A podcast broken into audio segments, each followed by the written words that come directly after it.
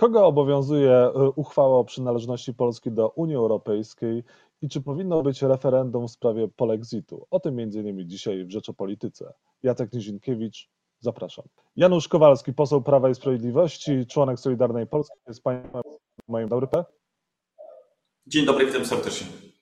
Czy autentyczność maili w aferze mailowej powinna zostać e, wyjaśniona, zweryfikowana, jak, jak e, chce wicemarszałek Sejmu Ryszard Terlecki z PiS? No, ufam, że tym zajmuje się Agencja Bezpieczeństwa Wewnętrznego, która chroni polskie państwo i jestem przekonany, że ta sprawa zostanie od A do Z wyjaśniona. Czy szef kancelarii premiera powinien wysyłać CV prokuratora e, prezes Trybunału Konstytucyjnego przy wyborze składu Sądu Najwyższego? Jeżeli ten e-mail jest prawdziwy, tego oczywiście nie wiemy, to nie. Jakie powinny być konsekwencje tego?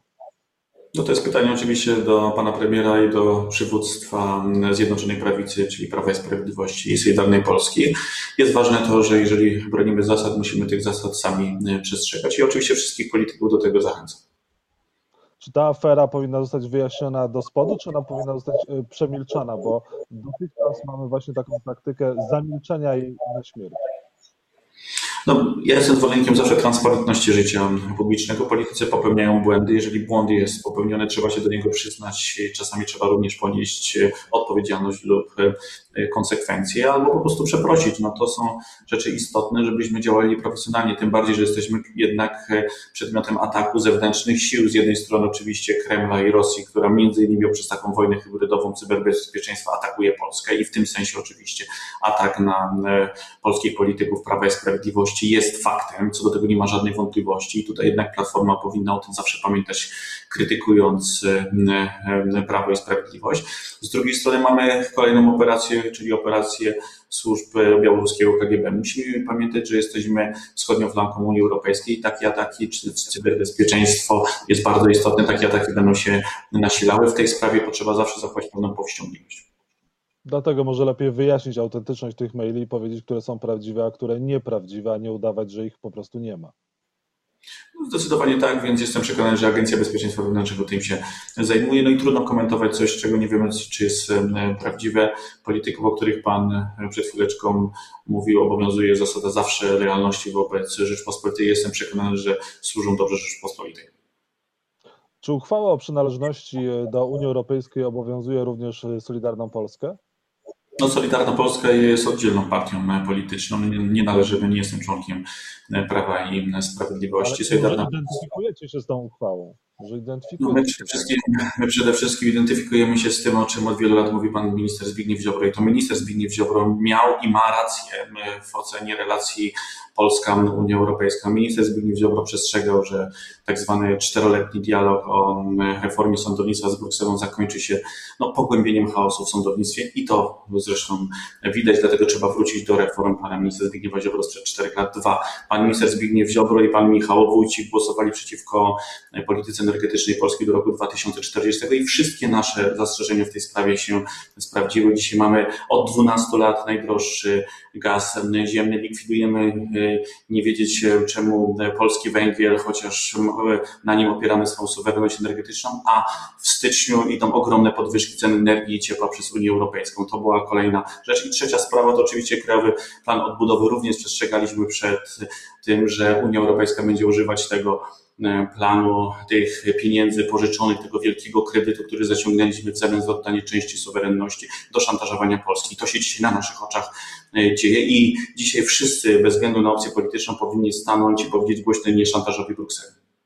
Powinniśmy debatować na temat przynależności Polski do Unii Europejskiej? Każde suwerenne państwo powinno zawsze debatować na temat jakości E, przynależności do jakiejkolwiek organizacji zewnętrznej. Unia Europejska jest zwykłą organizacją, do której Polska należy i powinna przez tę organizację realizować swoje narodowe polskie interesy. Nie, nie interesują interesy Niemiec, Francuzów, Hiszpanów czy Włochów, mnie interesują tylko interesy polskie. Moja, moje emocje są tutaj w Warszawie i w związku z tym, że dzisiaj jesteśmy przedmiotem ataku wojny hybrydowej Unii Europejskiej, która podważa podważa e, konstytucyjny porządek prawny, e, próbuje wymóc określone orzeczenia na Trybunale Konstytucyjnym, atakuje e, polskie DNA, polską kulturę, próbuje narzucić nam szkodliwą ideologię LGBT, w tym małżeństwa homoseksualistów i adopcję dzieci. Oczywiście tym, tym instrumentem szantażu jest groźba wstrzymania, bezprawna groźba wstrzymywania pieniędzy z Unii Europejskiej. Na to nie ma zgody, dlatego my zachęcamy wszystkie te samorządy do tego, aby, aby nie wycofywały się z uchwał, które są uchwałami prorodzinnymi. I właśnie przecież pamiętam właśnie w, w zeszłym roku w, w tej audycji u pana redaktora mówiłem, że w mojej ocenie Polska e, powinna być objęta e, uchwałą, która jasno mówi, że cała Polska jest e, przeciwko ideologii LGBT, jest strefą wolną od ideologii LGBT, od tej szkodliwej dla dzieci ideologii. Czyli pan, panie pośle, uważa, że to, co zrobił Waldemar Buda, wiceminister funduszy i polityki regionalnej, czyli wysłał pisma do samorządów, w których prosił o analizę i weryfikację tak zwanej uchwały anty-LGBT w kontekście negocjacji z Komisją Europejską e, w sprawie unijnych funduszy, to był błąd rządu. To jest błąd rządu. To, nawet nie jest błąd, to jest e, zerwanie linii po pierwsze politycznej Zjednoczonej Prawicy, ale przede wszystkim jest to zerwanie linii suwerennej Rzeczpospolitej nie może być tak, że my będziemy odpowiadać na szantaż Unii Europejskiej na kolanach i będziemy sugerować polskim samorządom, że mamy w związku z widzimisię jakiegoś urzędnika w Brukseli zmieniać w Polsce prawo. Na to absolutnie nie ma zgody. I niestety ubolewam nad tym, ale trzeba jasno powiedzieć, no pan e, Waldemar Buda przekroczył tu swoje uprawnienia, przekroczył swoje e, kompetencje. No musi być tutaj stanowcza reakcja premiera. Czekamy na to, e, na to reakcję. E, panie e, pośle, a proszę powiedzieć, jeżeli chodzi o przynależność Polski do Unii Europejskiej, ona w dalszym ciągu nam się nie opłaca? No w mojej ocenie po przyjęciu w grudniu 2019 roku tak zwanego Green Dealu, czyli niemieckiej polityki związanej z klimatem, która w istocie ma doprowadzić do tego, że Polska przestanie być państwem suwerennym energetycznie, bo mamy się uzależnić od rosyjskiego gazu z Nord Streamu i mamy się uzależnić od importu niemieckich technologii i chińskich technologii OZE to oznacza przyjęcie gigantycznego zobowiązania. 2 biliony złotych na nowy system elektrociepłowniczy i mm, e, całą elektroenergetykę do roku 2050, czyli 70-80 miliardów złotych rocznie.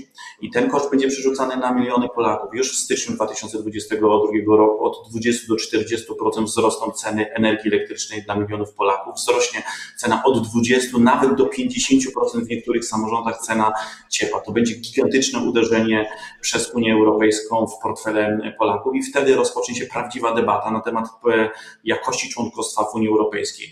Unia Europejska chce doprowadzić do tego, że energia elektryczna, ciepło będzie luksusem, miliony Polaków nie będzie stać na ogrzewanie domów, nie będzie stać na korzystanie z ciepła. No to jest coś niewyobrażalnego.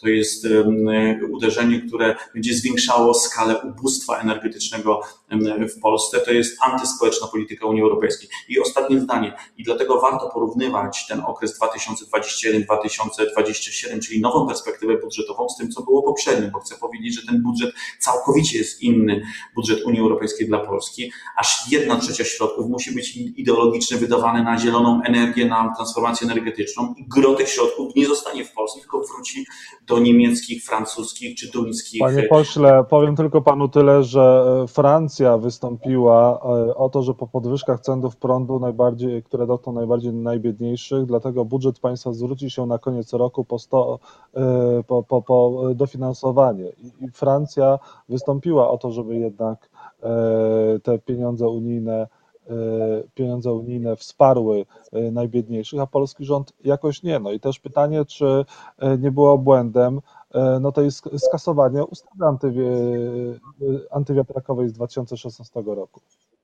No a ustawa antywiatrakowa jest ustawą, która wpuszcza e, tak zwany niemiecki szrot wiatrakowy do Polski i w żaden sposób nie rozwiązuje problemów związanych z produkcją energii elektrycznej, ponieważ nie można zastąpić stałych źródeł wytwarzania energii w opartych o węgiel, kiedy przez 365 dni w roku produkujemy przez 24 godziny najtańszą energię w Europie, która jest niestety sztucznie opodatkowywana przez Unię Europejską, wiatrakami. No, wiatraki mogą pracować maksymalnie 15-20% dni w roku, więc porównujmy jabłka do jabłek i gruszki do gruszek. Ale jest faktem. Panie pośle, wróćmy do tego tematu podstawowego. Pan, pan uważa, podobnie jak Ryszard Terlecki, że w razie gdyby Unia Europejska mocniej ingerowała w sprawy Polski, trzeba się zastanowić nad drastycznymi rozwiązaniami i tak jak Zbigniew Ziobro, który powiedział w wywiadzie dla Rzeczpospolitej, że obecność Polski w Unii nie za wszelką cenę, dopuszcza pan e, polexit?